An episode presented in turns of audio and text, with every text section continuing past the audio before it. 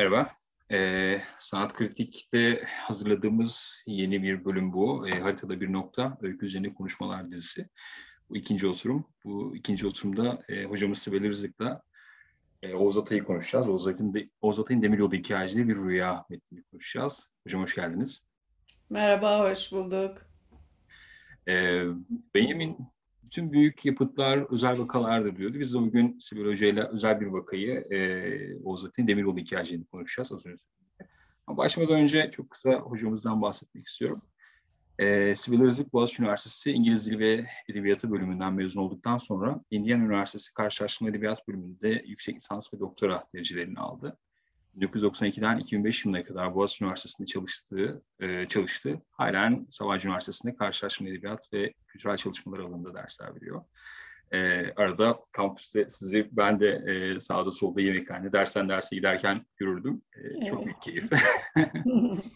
Hocam dilerseniz şöyle küçük bir konumlandırmayla başlayalım. E, Atay'ın canhıraş bir çalışma temposu olduğunu biliyoruz. E, 71-72'de tutunamayanlar ilk cilt ve ikinci cilt halinde. 73'te Tehlikeli Oyunlar, 75'te 3 kitap birden, Bir Bilim Adamının romanı, Korku Beklerken Oyunlarla Yaşayanlar.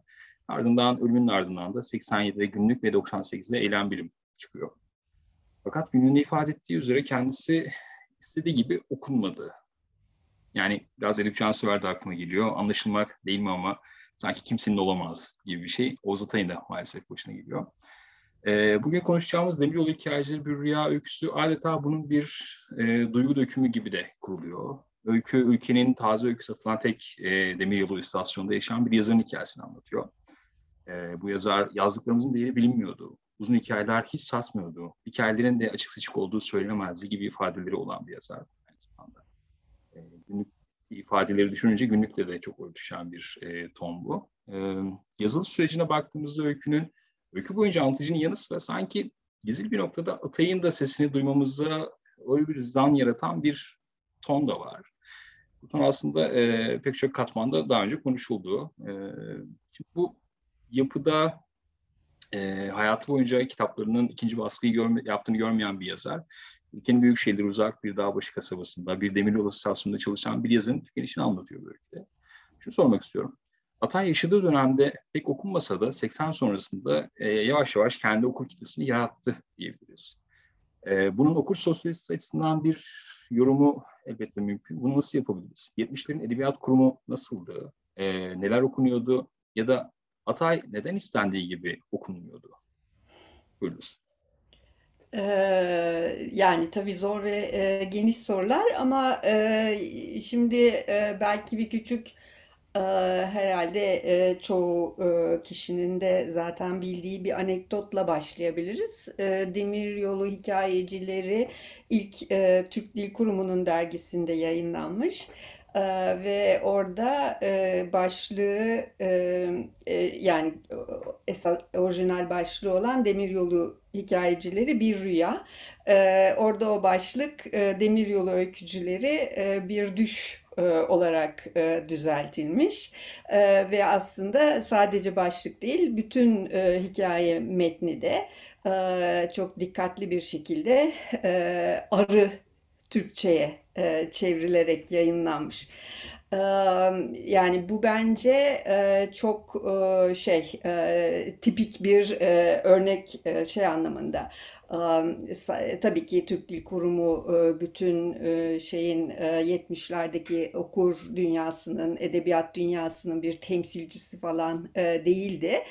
Ee, ama e, hani hikayenin kendi kaderini önceden neredeyse e, e, görmüş, e, falına bakmış e, gibi olması anlamında tipik bir örnek. E, çünkü e, çünkü gerçekten e, edebiyat metninin uyması gereken kurallar ve gerçekleştirmesi gereken işlevler olduğu konusunda çok yerleşmiş, çok kurumlaşmış bir anlayışın olduğu bir edebiyat dünyasının devamı olarak düşünme, düşünebiliriz Türkiye'deki e, 1970'ler ortamını.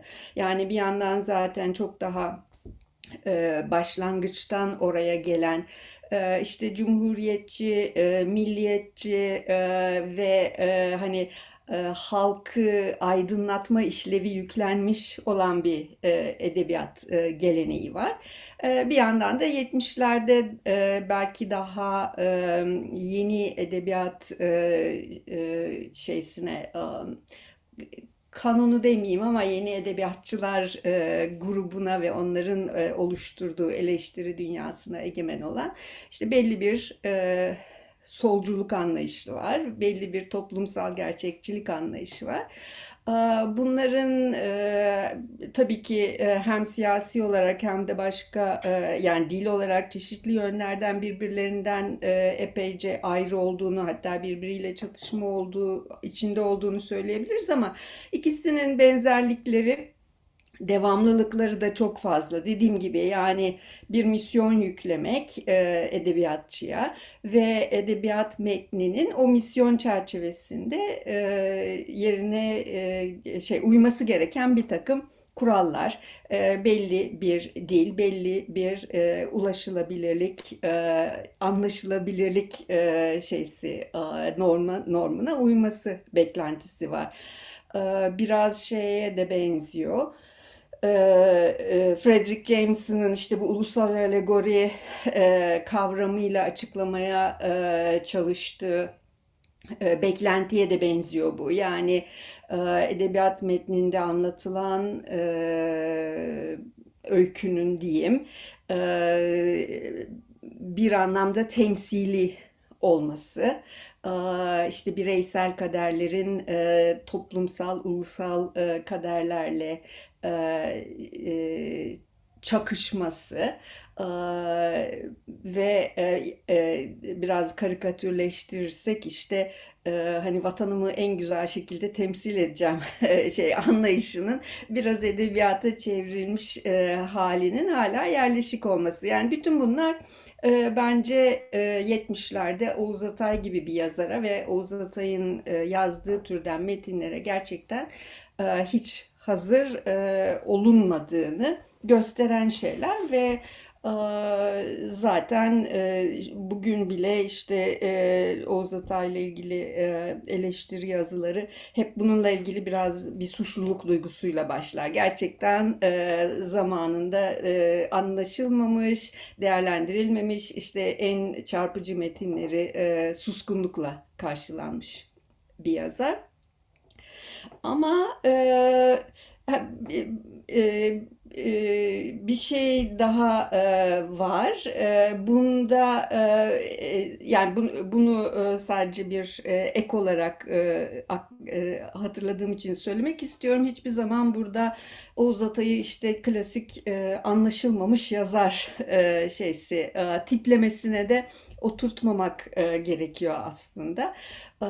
Zaten Cevat Çapan da bir anısında yazısında bunu söylemiş. Böyle birisi böyle bir yazar değil. Mutlaka e, tabii ki daha çok okunmak ve daha iyi okunmak istemiştir her yazar gibi.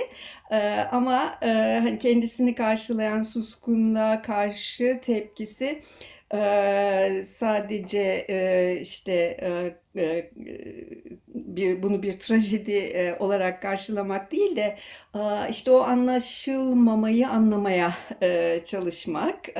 Hatta Cevat Çapan şey demiş, o anlaşılmamayı kendine anlatmaya çalıştı demiş. Böyle bir şey ve bence Demiryolu hikayeleri tam da bunu da yapmaya çalıştığı bir şey, bir metin. Ama ha, şunu da söylemek istiyorum. Aslında Eee, bu, eee, Oğuz Atay'ın, eee, 70'lerde, eee, bizim, eee, önümüze getirdiği bu çok çarpıcı metinlerin bir tür şaşkınlık, suskunluk ve, eee, biraz da tabii değer bilmezlikle karşılanmasını sadece Türkiye'ye özgü ve işte, amm, Türkiye'deki toplumsal gerçekçilik falan, eee, anlayışlarının baskınlığına özgü bir mesele olarak değerlendirmemek lazım çok daha temel anlamda modernist bir yazar Oğuz Atay ve aslında modernizmin çok tipik bir e, özelliği. Yani e, metnin e, metnin çok kapsayıcı olması, çok kendine dönük olması e, e, ve e, ve kendini belli bir e, kendi dışında bir okur kitlesine hitap etme e, zorunluluğu altında hissetmemesi, e, belli bir otonomi arayışı e, içinde olması. E, o anlamda yani işte ne bileyim bir James Joyce'dan e, ve belki de onun karşılaştığı e, türden e, anlamamazlıklar,dan ya da hatta sansürlenmeklerden çok farklı değil. E, ayrıca kendisi Oğuz Yatay, e, Oğuz Atay e, Batı modernizminin e, büyük yazarlarıyla ve genel olarak Batı edebiyatının yazarlarıyla çok içli dışlı olan, onları okumuş, onlardan çok etkilenmiş, onların e, metinlerinden geçerek kendi sesini e, bulmuş e, olan bir yazar. Tabii ki 70'lerde henüz öyle bir öyle bir birikimi şey yapacak, karşılayacak türden bir eleştiri birikimi de olmadığını söylemek lazım Türkiye'de akademik e, çevrelerde hiç yoktu ama e, daha e, aktif, daha belki yakınında duran yani Oğuz Atay'ın yakınında duran eleştiri e, odaklarında da e, çok fazla öyle bir birikim yoktu. O anlamda yani hem hakikaten modernizmin ay, aykırılığına, ayrıksılığına hazır değil e, diyebiliriz 70'lerde. Bu bütün e, e yani daha önceki bir dönemde Batı edebiyatında da olan bir şey. Hem de Oğuz Atay'ın dünya yazarlığına diyeyim yani dünya edebiyatına nüfuz etmişliğine hazır değildik. Bir şey daha ama söylemek istiyorum. Yani e, zaten 80'lere de e, hani bağladık. Birazcık ondan belki biraz sonra ondan daha çok e, bahsedebiliriz ama şu kadarını söyleyeyim. Şey dememek hani seks, e, 70'lerde anlaşılmadı. 80'lerde e, kucaklandı. işte kendi okurunu yarattı. Hatta işte bir kült yazarı oldu. Büyük bir takipçi diyelim e, yolundan gidenler e, anlamında okur kitlesi e, yarattı derken şey yanlışına da düşmemek lazım. Yani 70'lerde e, daha siyasi, daha işte toplumsal belki bir belli anlamda edebiyat dışı değerlere daha adanmış bir şey vardı. Edebiyat anlayışı vardı. Onun karşısında Oğuz Atay çok daha bireysel e, ve iç dünyaya yönelik e, ve işte biçime ve kendine yönelik bir metin yazdı.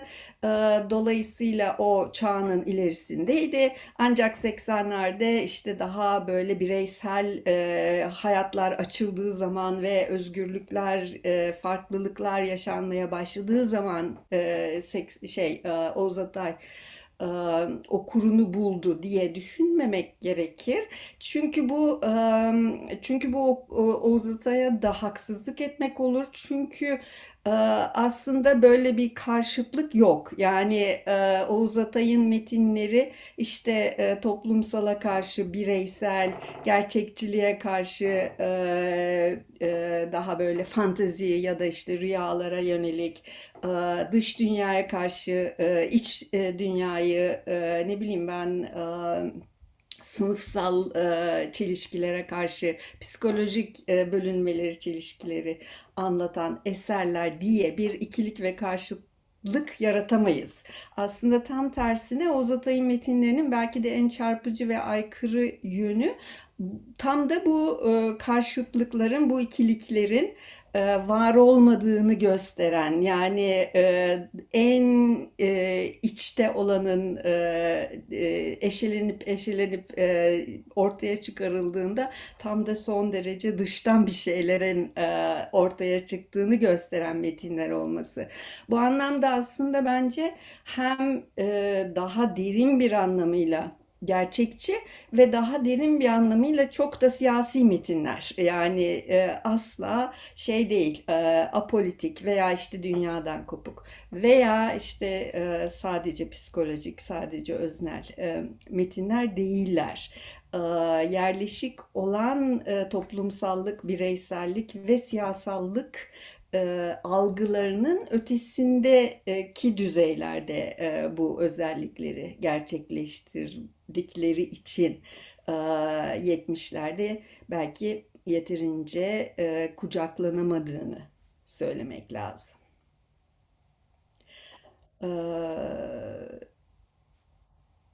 Şeyi um, 80'leri e, sormuş unuttun ama istersen bir sonraki sorunu da sor.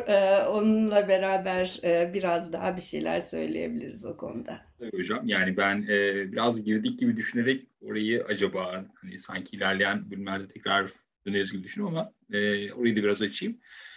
Orhan Pamuk'un bir e, Oğuz Atay okurları üzerine bir alıntısı var. Belki onun üzerinden biraz e, daha açmak mümkün olur. E, az önce bu alımlanma hikayesi üzerinden konuştuğumuzda buradaki değişimin e, ayaklarını da biraz bu edebiyat ve biçim bağlamında belirleyen bir e, ifade bu. E, bir yazısında şey diyordu, iki tip Oğuz Atay okuru var. Biri işte bu ah canım Selim duyarlılığıyla onun melankolik, işte melodrama çok düşkün, o arabesk tonu biraz daha içten bir yerden duyan bir okul kitlesi. Bir yandan da bu bat dünya, bat sinizminin e, tadına varan, o alayı seven, ironiyi kara mizahı çok net alabilen okul kitlesi. Ben ikincilerden yanayım. İkincilerdenim. Birincilerin de Oğuz Atay'dan hiçbir şey anlamadıklarını düşünüyorum gibi bayağı e, sert bir şey söylüyordu. bir ilişkisi evet. vardı. E, bu da belki az önce çizdiğiniz tablo içinden değerlendirilebilir. Bu modernizm e, meselesi üzerinden belki alınması gereken bir e, alımlama hikayesi. Bir yandan böyle bir ton var. Bir yandan da e, şey var bu modernizm içinde de e, işte Kafka'yla, Joyce'la, Woolf'la, Proust'la belki aynı kitaplığın içine konabilecek bir yazar Oğuz Atay ama onlardan farklılaşan yerleri de var. Sözü bu ironi e, Oğuz Atay'da çok daha parıldayan, çok daha ışıldayan bir e, yön. Belki buralardan biraz daha açarak devam edebiliriz. Buyurunuz. Ee, tamam. Ee, şöyle e, söyleyeyim. Ee, Gene sek, e, yani dönemlerden bahsettik 80'ler diyelim. Ee, orada e, hani 80'lerde kendi okurunu yarattı e, diyoruz Oğuz Atay. E, şey anlamında doğru. E, gerçekten işte e, bir okur kitlesine e, ulaştı. Gerçekten e, çok okunmaya genç bir okur kitlesi tarafından çok okunmaya ve çok heyecanla okunmaya başladı. Ee, ama e, şun e, şöyle de e, düşün düşünülebilir. Ee, e, bu dönemde e, Oğuz Atay kendi okurunu mu yarattı yoksa bu dönemdeki okur kendi e, kendi yazarını mı yarattı? E, ve e, hani birazcık e, kült e, olma e, durumu belki de ikinciye e, e, işaret ediyor. E, mesela Nurdoğan Gürbilek'in yazılarında bu mesele epeyce irdelenmişti, e, gayet güzel anlatılmıştı. Yani böyle bir işte beyaz mantolu İsavari tutunamayan şeysi figürü yaratılmış olması ve o imge çerçevesinde bir tür bir tür kimlik ve bir tür belki neredeyse yaşama var olma şeysi felsefesi edinen bir genç okur kitlesi oluşmuştu. Bu bu tam olarak o Oğuz Atay metninin çağırdığı okuma değil, birazcık dönemin dönemin ihtiyaçlarıyla edebiyatın şey yaptığı belki artık kapıya dayattığı e, bir takım e, farklı e, okuma ve metin arayışlarının bir araya gelmesiyle ortaya çıkan bir şey diye düşünüyorum. Yani bir yandan gerçekten e, edebiyatta, sanatta bir bir yenilik arayışı, işte daha önce e, dile gelmeyen şeylerin dile geldiği metinlere bir açıklık, genel olarak belki bir e, dünyaya açıklık, daha bir e, farklılık, çeşitlilik, özgürlük arayışı vardı ve o anlamda Atay'ın metinleriyle e, okurun buluşması şeydi. E, doğru e, doğru demeyeyim de doğru bir yerde e, olan bir buluşmaydı. Ama bir yandan da e, gene işte o e, dönemin yarattığı bir takım imgeler ve bir takım e, şeyler, e, ikilikler e, çerçevesinde oluştuğu ölçüde de e, orada bir e, şey vardı. E, bir e, hani ortama ve e, okurun e, kendi kendini konumlandırmasına uygun bir yazar ve bir Oğuz Atay metni yaratma e, süreci vardı. Onda e, onda bence şey olan e, yanlış olan diyeyim ya da en azından e, en azından e, tam da Oğuz Atay metninin istediği e, okura uygun olmayan bir şey var. Onu da hani sadece Oğuz Atay'ın kafasındaki işte okur diye düşünmemek lazım. Aslında metnin çağırdığı okur diye düşünmek lazım. Hani metnin içinde bir anlamda yapısal olarak da işlenmiş olan okur olarak e, düşünmek lazım. Ha, öyle olmayan nitelikleri vardı bu kült e, şeklindeki sahiplenmenin 80'lerde. E, o da bence tam da e, bu tutunamayanlık e, e, düşüncesini, fikrini, e, imgesini bir konum ve bir kimlik olarak e, sahiplenme tavrı. Yani e, yani e, tam da e, or şey e, Oğuz Atay e, metninin e, tutunamayanlık tanımına aykırı bir tutunamayanlık e, şeysi yaklaşımı diyebiliriz. Yani eğer tutunamayanlık bir kimlik olursa, eğer tutunamayanlık bir konum olursa e, o zaman e, tutunamayanlık olmaktan çıkar. Değil mi? Çok daha böyle çelişkili, kaygan e, dediğin gibi çok daha e, sert anlamda e, ve zor anlamda ironik bir konum gerektiriyor o metinleri okumak. O, o nedenle aslında Orhan Pamuk'un söylediği şeye de tam katılmıyorum. Yani e, tabii ki metnin e, çağırdığı ve metnin e, yaratıp e, üzerinde oynadığı farklı türden e, okurlar var. Hatta belki bu Orhan Pamuk'un söylediği iki okurun dışında başka e, türden öyle okurlardan da söz edilebilir. Ama ama esas önemli olan e, bu e, şeyle e, nasıl demişti e, işte e, Tatlı Selim e, miydi? E, e, ah canım Selim. Ha, ah canım Selim tamam çok güzel. Ee, bir tarafta ah canım Selim var. Ee, yani ah canım Selim tavrını e, temsil eden e, okur var. İşte e, daha melodrama yatkın, daha arabesk belki daha hani özdeşleşici hemen karakterle. Bir yandan da şey var alaycılık, sinisizm işte batsın hepsi gibi bir şey var. Konum var ve işte birinciyi seçen Oğuz Atay'ı anlamamıştır. E, ben ikincisini e, ikinci konumu işgal ediyorum e, derse bir okur. E, bence e, gene metne biraz e, şey olmuş, haksızlık etmiş olur. Çünkü yani metnin ironisi zaten bunların arasında bir seçenek sunmuyor olması. Yani e, bu, bu, bu iki e, bu iki konumdan ki dediğim gibi belki başka konumlarda olabilir ama tipik örnek olarak bu iki konumu ele alalım. E, bu iki konumdan birinde yerleşip rahat etmek mümkün değil. Yani bence mesela tutunamayanları ah canım Selim demeden okumak da mümkün değildir. Yani o orada hakikaten yaratılan bir hikaye var, yaratılan bir e, kahraman var. İşte onun e, çağrıştırdığı bir sürü e, özellik var. Bunlar e, bunlar çok derin e, çelişkilerin ve duygusal, e, e, psikolojik, e, toplumsal hatta e, yaraların e, ortaya konmasına e, vesile olan e, e, karakterler ve tutumlar. Siz o romanı eğer hiç Ah Canım, Ah Canım Selim diye okumazsanız bence e, o romanın okuru olamazsınız.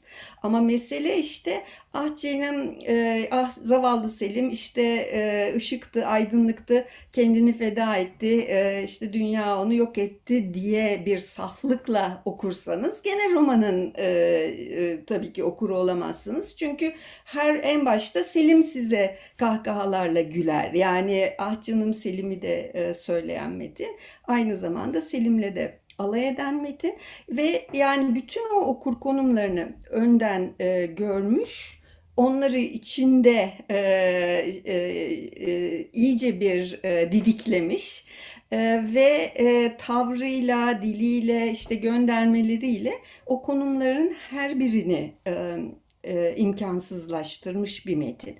Dolayısıyla aslında o sizi yani o metin sizi belki de imkansız olanı yapmaya çağırıyor. Sürekli olarak hem alay etmeye hem ah canım Selim e, demeye çağırıyor. E, bunlardan birini seçip rahat ederseniz e, gene o metne hak ettiği tepkiyi e, vermemiş olursunuz. E, İroni de zaten tam e, böyle bir şey. Yani zaten herkes e, çok yazdı, e, çok iyi şeyler yazıldı e, Oğuz Atay'ın ironisi konusunda. Ama mesela e, mesela Orhan Koçak şeyden bahsetmişti. Hani daha böyle klasik ironi anlayışı içinde bir tecahülü arif e, meselesi olarak görebiliriz.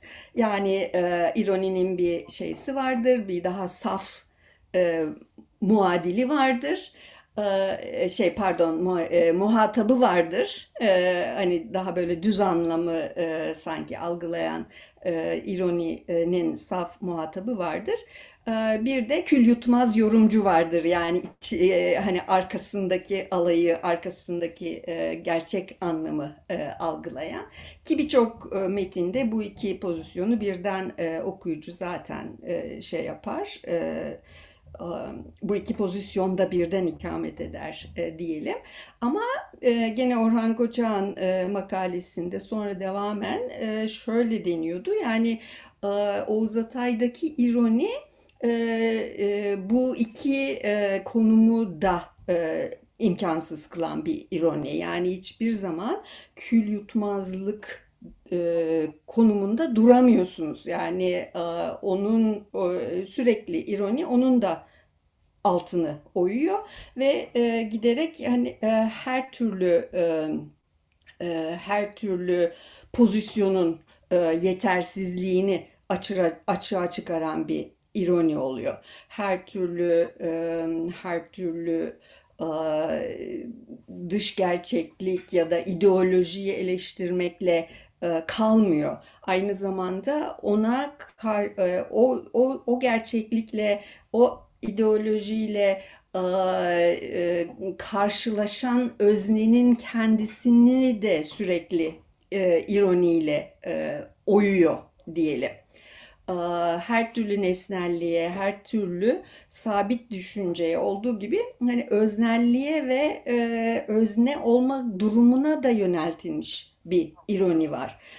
Ve e, bu anlamda çok daha e, oyun oynamaya benzeyen bir ironi diyebiliriz. Tabii öyle çok neşeli ve zevkli bir oyun oynama anlamında değil ama tek çare olarak oyna oyun oynama ve şey anlamında oyun oynama hani bana oyun oynadı deriz ya işte bir bir anlamda aldatma, oyalama. Ha gerçeklikle her türlü konumla o an öyle bir ilişkiye giriyor. Onlara sürekli oyun oynuyor ve sürekli kendisini yeniden yeniden üretiyor. Böyle bir sonsuz bir ironi gibi. Böyle bir şey yani e, sadece Oğuz Atay'a özgü e, diyemem. Hani o saydığımız modernist metinlerin e, bazılarında da var. Ama tabii ki hani buradaki Türkiye'deki bu coğrafyadaki bu toplumdaki dile ve ve e, imgelem imkanlarına çok böyle sıkı bir şekilde bağlanmış, çok e, ete kemiğe büründürülmüş. Hem çok tanıdık hem e, sürekli olarak bizi e, sarsan bir e, şeysi, versiyonu diyeyim o e, ironinin. O tabii ki çok Oğuz Atay'a özgü bir şey. Bu e, konumlanmanın imkansız olduğu e, meselesi aslında şey hemen aklıma e, bahsettiğiniz Orhan Hoca'nın yazısı geldi Orhan Koçan. Yazarın ve işte anlatıcının kurgunun kendisi zaten böyle bir net konumlanmaya izin vermiyor dediğiniz gibi. Belki onun altını tekrar Evet, çekmek fayda evet. var. Sürekli bir ayak değiştirme, sürekli bir e, kendi içinde bir ritimle, bir aksak ritimle belki e, yeniden kendini kurma, yeniden ötekini e, yok etme pahasına yeniden inşa etme meselesi aslında. E, çok net görünüyor. Bu e, okuluk meselesi üzerinden düşünürken e, sizin eski bir yazınız aklıma geldi. Ona tekrar bir gittim. E, oraya gelmeden önce belki Selim'le ilgili, az önce Selim'den de bahsettik, bu tutamayanlarda sanki böyle genel bir e, çerçeve de var ve bu okur meselesi aslında Demiryolu Hikayecileri bir rüya metninde de e, başat yapılardan biri. Ve e, bu okurunu aramak, okuruna seslenmek meselesi aslında yine burada e, çokça altı çizilen bir durum. Sonrayanlarda Esat diye bir karakter, bir e, anlatı kişisi Selim Işık'ın son günlerini şöyle anlatıyordu. İnsanlarla birlikte bulunma alışkanlığı da kayboluyordu. Kitaplarla yaşamanın dışında hiçbir ilgisi kalmamış gibiydi. Romancılar için bulunmaz bir okuyucum Esat abi derdi. Birinci sınıf okuyucu. Hayır daha ileri, lüks okuyucu. Kitapların, kitaplarının böyle okunduğunu bilseler fakirler kim bilir ne kadar sinirlilerdi. Durmadan yazarlardı. Bir türlü ölemezlerdi diyor. Ee, bir yandan şeyi de biliyoruz. Selim'in bu az önceki konumlanma hikayeleri içinde kendisinin tüm Balkanlar ve Orta Doğu'nun en iyi okuru, e, en hassas okuyucusu hatta. Hassas kelimesini özellikle belki çizmekte fayda var bu az önceki konumlanma meselesi için. Böyle övündüğünü de biliyoruz. E, fakat bu okur Demiryolu hikayelerinde yokluğuyla var olan bir okura dönüşüyor. E, sizin yıllar önce bir e, hangi dergiydi hatırlamıyorum. Varlık dergisindeydi sanırım. Çağdaş eleştiri kurumlarında okurun yeri başlığı yazınız var. Oradan küçük Evet. bir e, alıntıyla şöyle yazıyı yeniden havalandırmış oluruz belki. Çok küçük bir şey soracağım. Sizin orada daha önce sorduğunuz bir soruyu tekrar size yöneltmiş olacağım aslında. E, şöyle demiştik hocam oradan küçük bir alıntı yapayım. Sanki okuru her bulduğumuz anda yitiriveriyoruz. Okura ayrılan yer bazen faz- fazlasıyla kalabalık, bazen de bomboş. Bir bakıyoruz ima eden okur, ima edilen okur, üstün okur, ideal okur, sanal okur, maskara okur, paranoyak okur, histerik okur gibi tuhaf tiplerle dolu. Bir bakıyoruz içinde kodların, söylemlerin, metinlerin yankılanıp durduğu dört duvardan başka hiçbir şey yok ortada. Belki bizim demir yolu da böyle bir uzam gibi görünüyor. Ee, gerçek okura bir türlü ulaşamadığımıza göre bu arayışı terk etmek, yeni eleştiri kuramcılarının eleştiri kuramcılarına hak vermek, elimizde sıkı sıkı tutabildiğimiz o somut gerçek nesneyle metinle yetinmek daha mı doğru olurdu? Tekrar bunu sormuş olayım size. Buyurun. Ee, Ben e, onu sorduğum zaman e, ne cevap vermişim hatırlamıyorum ama herhalde hayır demişimdir bir şekilde. E, Çünkü öyle e, düşünüyorum yani e, şu anlamda ya tabii aslında tam e, o soruyu buraya e, doğrudan aktarmamamız lazım. Çünkü o eleştiri kuramları ile ilgili bir soruydu. Yani hani eleştiri kuramları acaba hiç e, okur meselesini dert etmese daha mı iyi olacak? Çünkü e, okuru anlamaya çalıştıkları zaman hep böyle işte e, bir takım e, şeylerle e, kısır döngülerle karşılaşılıyor. Başladığın yere dönüyorsun gibi bir şeydi. E, tabii e, bir edebiyat metninin okurla ilişkisi, yani eleştiri kuramının okuru kullanması ya da kullanmamasından biraz daha farklı bir e, soru. Ama gene de hani bu soruyu da e, soruyu buraya da e, aktarabiliriz aslında. E, ortaklıklar da var ve e, sanırım her iki durumda da ben e, hayır demek zorunda kalırdım. Yani e, yani e, ne kadar zor olursa olsun e, okur kavramını kuru- e, kuramlaştırmak ve hatta e, yöntem olarak e, eleştirinin içine almak ne kadar zor olursa olsun aslında e, onsuz da yapılamıyor. E, e, metni sadece metinle yetinmeye yetindiğini e, zanneden ve iddia eden eleştiri kuramları aslında e, varsayımlarıyla, çeşitli e, refleksleriyle ve e, çeşitli e, pratikleriyle e, okuru e, gene arka kapıdan içeri alan e, eleştiri pratikleri oluyor. Ona benzer şekilde edebiyat metni için de bunu söylemek lazım. Yani bir yandan aslında demin de dediğim gibi modernizmin özellikle çok e, belirgin tipik bir özelliği e, okura e, okura e, şey yapmamak kendini tabi kılmamak. E, okurdan her şeyden olduğu gibi okurdan da özerkleşmek okurun ihtiyacına, anlayışına, zevkine, hazzına hitap etmemeye etmemeye özellikle çalışmak. Bir anlamda hani özellikle anlaşılmaz olmaya çalışmak. Böyle bir şey var. ve ve o anlamda Oğuz Atay'ın metinlerinde de böyle bir dinamik görülebilir. çünkü metinlerin içinde de zaten sürekli o e, e, saf e, okurlarla e, alay ediliyor. E, şey de biraz hani demin söyle okuduğun Selim'le ilgili mesele de biraz öyle aslında. Çünkü Selim'i orada ideal okur, mükemmel okur, işte süper okur gibi tarif ediyor ama aynı zamanda da onun hani imkansızlığı ve yazardan ayrılmazlığı ortaya çıkmış oluyor o tarif e, sırasında. Yani e, tam olarak e, tam olarak e, aslında e, hatta e, Selim'in de metnin içinde bir karakter olduğunu düşündüğümüz zaman yani e, şey de var. Okur ancak metnin içinde yani Oğuz Atay'ın istediği okur ancak Oğuz Atay'ın metninin içinde. Hatta Oğuz Atay'ın istediği okur belki de sadece Oğuz Atay'ın kafasının içinde, bilincinin içinde gibi bir e, durum da ortaya çıkmış oluyor.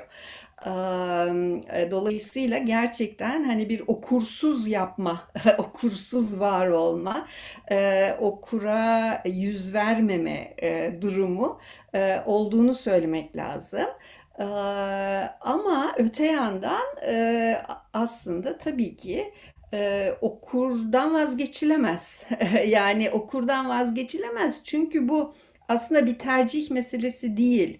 Ee, e, okumak zaten e, dilin içine, yapısına işlenmiş bir e, bir gereklilik. Yani e, yani konuştuğun an, anda Hani e, konuştuğun her anda zaten aslında e, mutlaka kendini bir dinleyene e, yöne, yönlendiriyorsun e, demektir e, mutlaka bir dinleyene karşı belli bir pozisyon alıyorsun, kendini e, o şekilde konumlandırıyorsun demektir.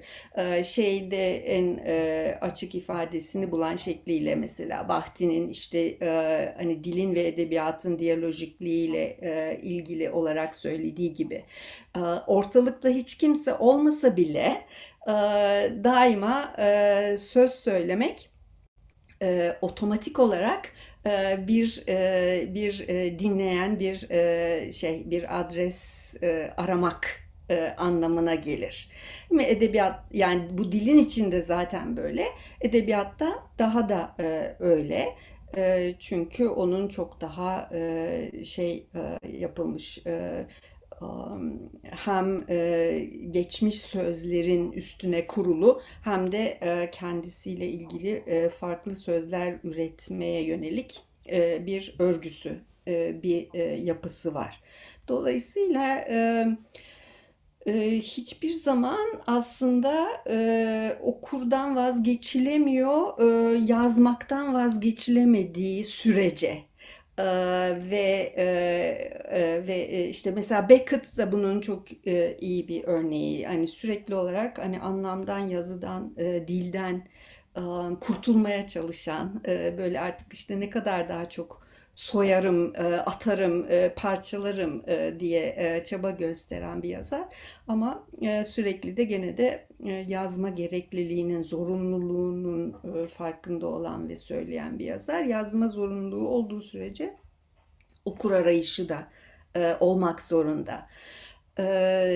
Buradan demiryolu hikayecilerine gelirsek aslında demiryolu hikayecilerinde evet okur çok büyük ölçüde e, yokluğuyla var. Çünkü e, hani işte o trenlerde e, bu hikayeleri satın alan insanlar örneğin hiçbir zaman tam anlamıyla okur olamayan insanlar e, veya işte e, şeysiyle e, bu hikayelerin bazılarını e, bayat olmakla e, güncel e, olayların gerisinde kalmakla ya da modası geçmiş olmakla e, eleştiren eleştirmenler e, tabii ki aslında bu metnin okuru değiller ve bu metnin e, okurunun yokluğunun altını çiziyorlar.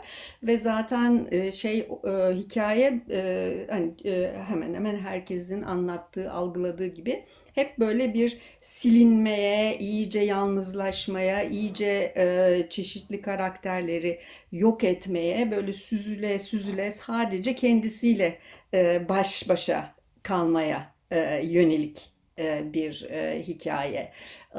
Baştan gerçek bir işte istasyon var, demir yolu var, bir, bir dağ köyü var gibi bir şeyler hissettiriyor insana ama gittikçe hem daha çok rüyaya benziyor hem de çok daha çok daha mekansız ve zamansız bir atmosfer haline geliyor.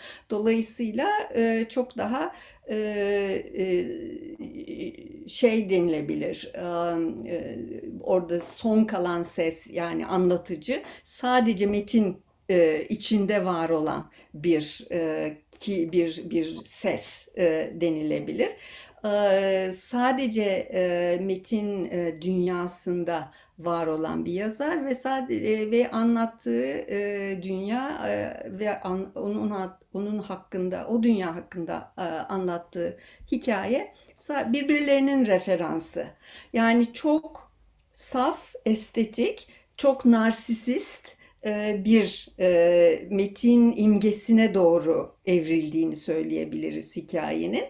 Öyle bir saf estetik ve kendinin referansı olma durumu gerçekten böyle bir ödün vermez özerklik ve kendi kendine yetme, kendi dışındaki her şeyi yutup kendi içinde sindirip bir anlamda yok etme durumu. Bunun her gerçek sanatçı için çok çekici olduğunu düşün düşünebiliriz herhalde. Yani özellikle modernist sanatta böyle bir eğilimin çok güçlü olduğunu söyleyebiliriz. O demiryolu hikayelerinde bence böyle adım adım bu gösteriliyor. Başlangıçtaki bütün dışsal gibi görünen referanslar silinip artık bütün şey anlatıcı sesi ve bütün demiryolu imgesi sadece kendinin referansı haline geliyor. Ama orada o hikayede gene hem bu yöneliş, bu arzu, bu belki bütünlük ve mükemmellik imgesi var. Hem de bunun aynı zamanda yazının yazının intiharı, yazının kendi kendini yok etmesi demek olduğunu görüyoruz. Yani işte biraz Beckett gibi hani soyuyor, soyuyor, ayıklıyor, ayıklıyor, bütün fazlaları atıyor, atıyor, atıyor. Ama bir yerden sonra ya da ne, ne diyeyim yani bu atma, soyunma eyleminin kendisini anlatamadığı bir aşamaya gelirse o zaman zaten kendini yok edecek demek. Yani artık susmak gerekecek. Öyle bir e, aşamayı, öyle bir kendini e, yok etmeyi de aslında kabullenmiş bir metin değil. Şey gene hep söyleniyor e, hikaye e, biz diye başlıyor hani e, birkaç hikaye hikaye satıcısı var sonra yavaş yavaş işte onun yerini ben alıyor ve o çok solipsist bir bene gidiyor. Demin e, anlatmaya çalıştığım gibi. Ama e, en sonda da bu e, hani bütün metni neredeyse yutmuş ve her şeyi kaplamış, dışla içi bir araya getirmiş olan bene o o ben zamirine, o yani tamamen metinsel e, e, anlamdaki ben zamirine karşı bir tür tepki, bir tür hatırlatma, bir tür öz düzeltme olarak sen e, zamir giriyor işin içine ve e, ve hani sen e, e, senle bitiyor hikaye. Tabii ki e, ben de sen de aslında hiç elle tutulur olmayan şeyler. Yani e, ben de sen de sadece konum. E, kim ben derse o oluyor. Hiçbir zaman sağlam referansları olmayan şeyler. Ama gene de benle sen arasında bir şeyler olması gerekiyor bir metin olması için. O nedenle de aslında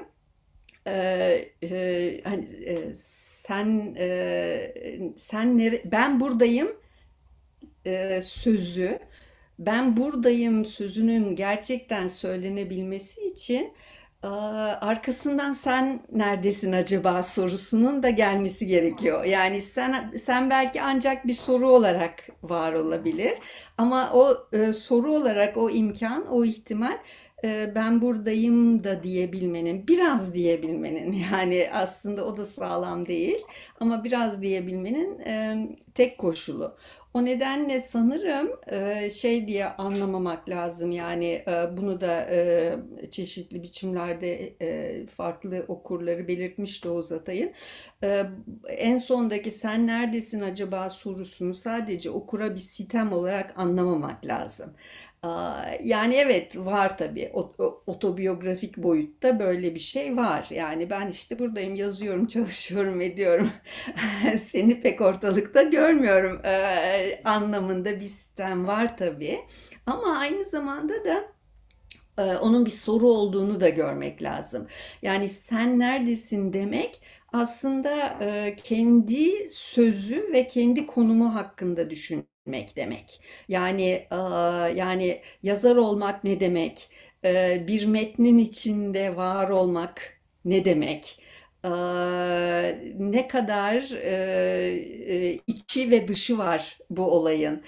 Sınırları neresi? Hani ben nerede biter, öteki nerede başlar? Hani bütün bu soruları sormak demek bence sen neredesin diye sormak. Evet zaten acaba değil mi? O Acaba da var. acaba Evet. e, Evet. çok Evet. Yani acaba demek hakikaten eee, yani hem biraz merak hem de biraz eee, işte bir saflık, bir eee, kırılganlık da gösteriyor e, şeyden çok. Eee, nedir o? Eee, kızgınlıktan ya da sitem etmekten çok. Ya da en azından ikisi de olabilir. Çünkü yani hani sen neredesin acaba diye çok daha böyle kırılgan, saf bir soruda e, düşünebiliriz. Sen neredesin acaba diye azarlayan bir azarlayan bir ses de düşünebiliriz. Uzatay'da her zaman her şey zıttıyla birlikte var oluyor zaten. Evet zaten bu e, az önce araya girmek istemedim. Bu gönderinin parçalanma hikayesi, kişilerin parçalanması, tümleşmesi yine Demiroğlu hikayelerinde de gördüğümüz bir şey. Aslında Atay'ın çok sevdiği izlekler bunlar. Parçalanma, gönderinin parçalanması, susku. Ama bu susku da biraz şey gibi bir susku sanırım hocam. Hani e, dilin de mayınlanması gibi. O kadar çok konuşuyor ki, o kadar çok gevezelik ediyor ki işin sonunda anlatıcı eliti kayboluyor ortada. Ne konuşuyorduk biz şimdi gibi bir duruma geliyor okur ve anlatıcı arasındaki ilişki sanırım.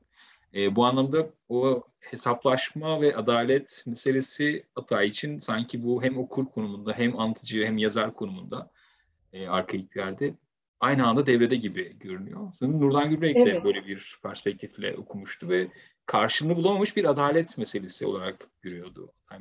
Evet, yani aslında galiba galiba Gürbilek'in sözünü ettiği karşılığın karşılığını bulamamış adalet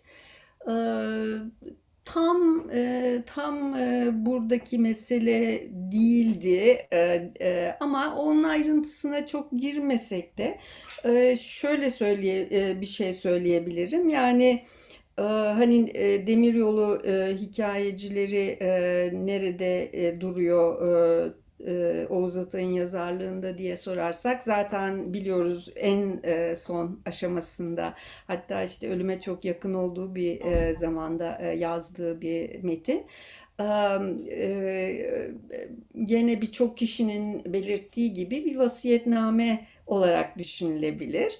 Ama vasiyetname nasıl bir vasiyetname? Tam bir mülksüzün vasiyetnamesi. Yani aslında hiçbir şeyi olmayan birinin gene de e, bıraktığı e, bir vasiyet diye düşünmek lazım. E, o ne demek? Yani e, bir yandan e, bir yandan e, bir e, e, bir işte yazmış olmak, bir yazar olmak, bir e, birçok metinler üretmiş olmak durumu, e, dilin içinde var olma durumu. Bir yandan da e, dilin ve o metinlerin ardında onların böyle üzerinde durduğu sağlam, katı diyeyim, hiçbir nesne, hiçbir temelin olmadığının e, bilincinde olmak. Yani e, o e, o e, şeyin e, oyunların, sözlerin, metinlerin, dilin arkasındaki çok temel bir yokluk durumuyla e, ilgili e, bir hesaplaşma diyebiliriz. Yani o anlamda da e, aslında biraz belki de e, e, demiryolu hikayecilerinin modernist olduğu kadar postmodern metinlere de çok yakın olduğu söylenebilir. Yani çok şey ne diyeyim kendine referans veren, kendini didikleyen tam üst kurmaca dediğimiz türden bir hesaplaşma. Yazarlık otoritesiyle, e, işte e, e, okur otoritesiyle, devlet otoritesiyle yani bütün onlar var hikayenin içinde. İşte memurluk konumu, maaş alma meselesi, sansür meselesi. Efendim? İstasyon şefinin konumu. Evet evet istasyon şefi sonra istasyon şefinin üniformasını da kendisinin giymesi. Yani aslında bir anlamda bütün o dinamikleri hep kendi içinde zaten barındırıyor olması. Ha, o anlamda farklı türden bir e, adalet arayışı ve e, ama daha belki e, uygun olarak da şey diyebiliriz yani yazarlıkla, metinle, edebiyatla, o konumlarla e, hesaplaşma metni e, diyebiliriz. E, biraz şeyi e, e, aslında tesadüf oldu bir e, derste Calvino'nun e, işte o e, bir e, kış gecesi bir gezginci ya bir yolcu pardon metnini okuyorduk. Orada da metin peşinde koşan bütün o meseleler bir demir yolunda başlıyor. Yani ilk sahnede işte böyle bir demir yolu var. Orada buluşması gereken iki casus var bunlar birbirini kaçırıyor falan filan. Neyse ama orada yani hep böyle Calvino'nun metni ve çok tipik hani postmodern bir metin olarak düşünen, düşünülen metin sürekli olarak bizi şeye metnin metnin üretim üretim sürecine, metnin dağıtım sürecine, işte nerede basılıyor, ne oluyor, işte anlatıcı kimdir, nasıl kurulur, işte tasvir nasıl yapılır, niye yapılır, sözcükler nasıl seçilir. Hani bütün o süreçlere bizi sürekli davet eden ve aslında yazarla okur arasındaki ayrımları da sürekli silen bir metin. Bu anlamda hani o postmodern e, şeylere e, e, hesaplaşmalara diyeyim ve e, kendi dışına taşmalara yani metnin dışına taşıp metnin e, kendi e, kendisinin e, dünyadaki dolaşımına falan e, davet eden bir metin olması anlamında e, şeye çok benziyor e, demiryolu hikayecileri bu postmodern e, metinlere çok benziyor. E, ama orada da yani aslında e, hiçbir zaman mesele bitmiyor. Yani Bir yandan e, bir yandan mesela Calvino işte e, şey gibi görünüyor. Ee, işte okurlara okurlara büyük e, özgürlük verdi, yetki verdi. e, işte metni parçaladı falan filan. İşte kendi yazdığı metin hiçbir zaman bitmiyor falan.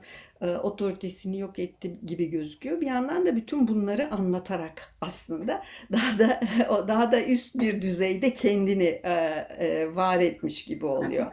Hani bütün o postmodernizmle özellikle ilişkilendirilen yazar öldü meselesini hem hakikaten sahneliyor yani yazarın ölümünü sahneliyor hem de bir yandan da hortlatıyor diyebiliriz yazarı. Çünkü işte sonunda gene kendi şey gönderdiği yerlerde buluyor okuru.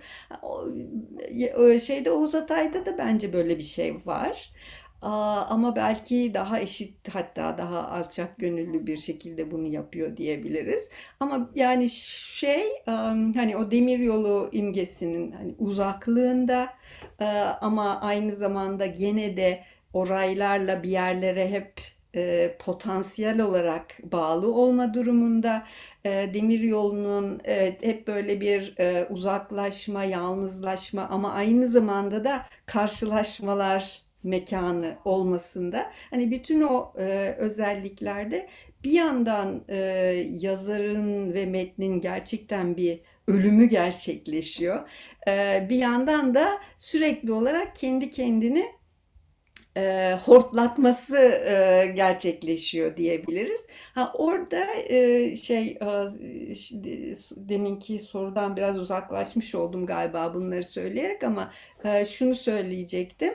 Evet hep bir e, şey var. Yoklukluk yokluk var, sessizlik var.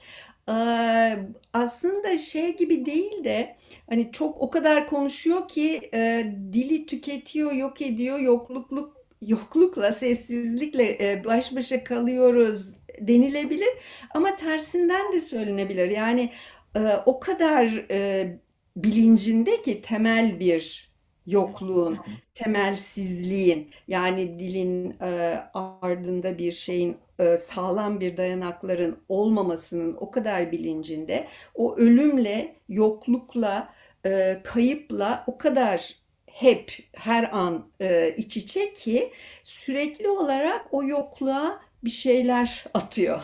Yani söz atıyor, oyun atıyor, dil atıyor. Ee, sürekli olarak o yokluğun etrafını kuşatma, e, bir anlamda o yokluğu biraz e, oyalama e, yöntemiyle hayatta e, kalmaya çalışıyor. Belki de yani yapılabilecek tek şey diye düşünülebilir. Eğer eğer e, hani gerçekten felsefi ve metinsel anlamda bir e, tutunamamazlık e, bilincine sahipseniz e, tek yapabileceğiniz şey e, sözün gürültüsüyle, sözün oyunlarıyla e, sessizliği duyurmak, sessizliği e, var etmek denilebilir.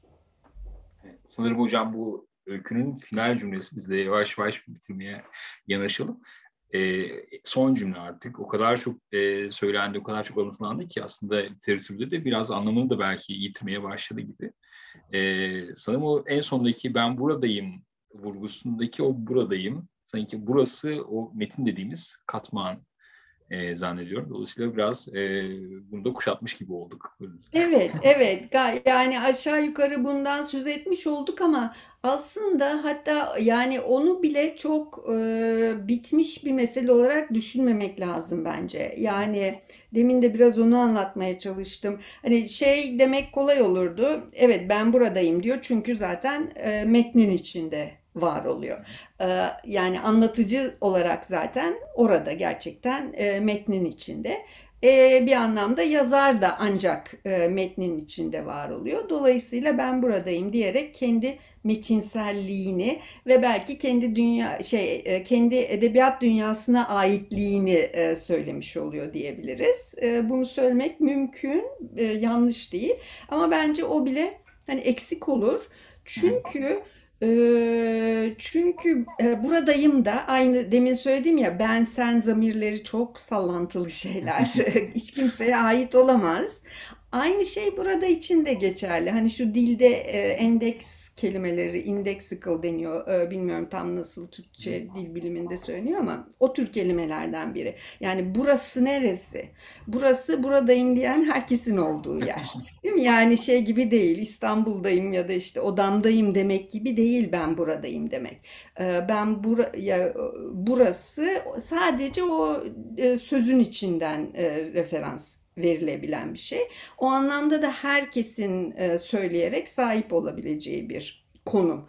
O anlamda da e, şeyden e, demin söylemeye çalıştığım gibi yani arkasından gelen sen neredesin sorusundan bağımsız olarak düşünemeyiz.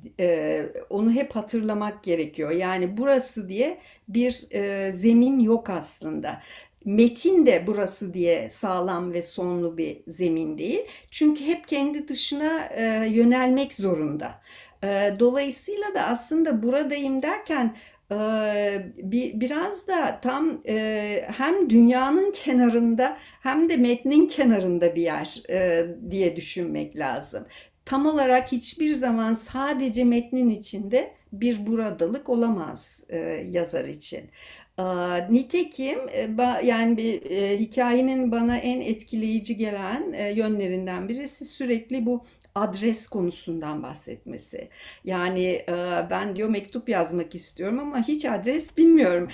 Şey de değil yani hani yazmak istediğim kişinin adresini bilmiyorum demiyor. Hiç adres bilmiyorum diyor. Üstelik hadi buldum bir adres bu sefer kendi adresimi nasıl yazacağım? Benim de adresim yok diyor. Böyle çok temel bir adressizlik üzerine e, kurulmuş bir yazı. O anlamda aslında çok konumsuzluk üzerine e, kurulmuş bir yazı. Ne okura e, sağlam duracağı bir e, konum e, izni veriyor. O, o bakımdan e, hani okurlar hep ikircikli dediğim gibi hep şey biraz suçluluk duygusu içinde. Mesela şey de ilginç, e, gene okuduğum e, çeşitli böyle e, kitaplarda Oğuz Atay'la ilgili derlenmiş kitaplarda özellikle tabii daha e, akademik olmayan eleştiri yazılarında birçok yazar e, Oğuz Atay'a hitap ederek yazmış yazılarını. Yani ona sen diyerek yazmışlar bir anlamda onun e, şeyde burada hikayenin sonunda yaptığı gibi. E, ve hep de şey diye başlıyor. İşte şimdi seninle ilgili bir ön söz yazmam gerekiyor ama sen olsan ne kadar da alay ederdin benimle. Çünkü zaten tutunamayanlar da bir alay önsüzü yazmıştın ve işte eleştiri yapmam gerekiyor ama eleştiriyi de sen daha önce yapmıştın. Yani hani sürekli okurun konumunu yutmuş olan bir metin. Daha önceden zaten hep her türlü okuma konumunu geçersizleştirmiş olan bir metin. Ama aynı zamanda bütün bunlara rağmen kendi dışında bir şeye uzanmak, kendi dışında bir şeye dokunmak zorunda olduğunu da bilen bir metin. Dolayısıyla hiçbir zaman ben buradayım e, metnin içinde kalmak anlamında anlaşılmamalı bence. Metin dünyasının içinde mutlu mutlu yaşamak anlamında anlaşılmamalı.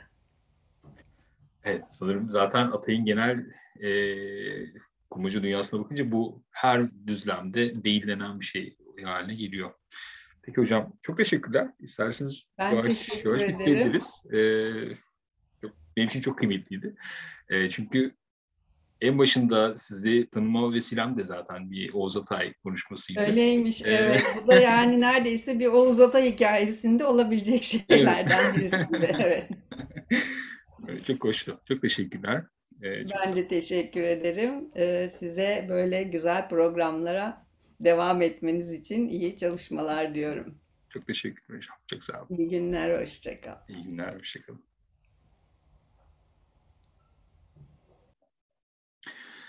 Evet, bugün e, Sibel Rızık hocamızla Oğuz Atay'ın Demiryolu Hikayeleri bir Rüya metnini konuştuk. E, bu öykü metin, okur, yazar, alıntıcı, alımlayıcı perspektiflerinden değerlendirmeye çalıştık mümkün olduğunca. E, bir sonraki oturumda Şubat ayında e, Selçuk Barı'nı konuşacağız. Hoşçakalın.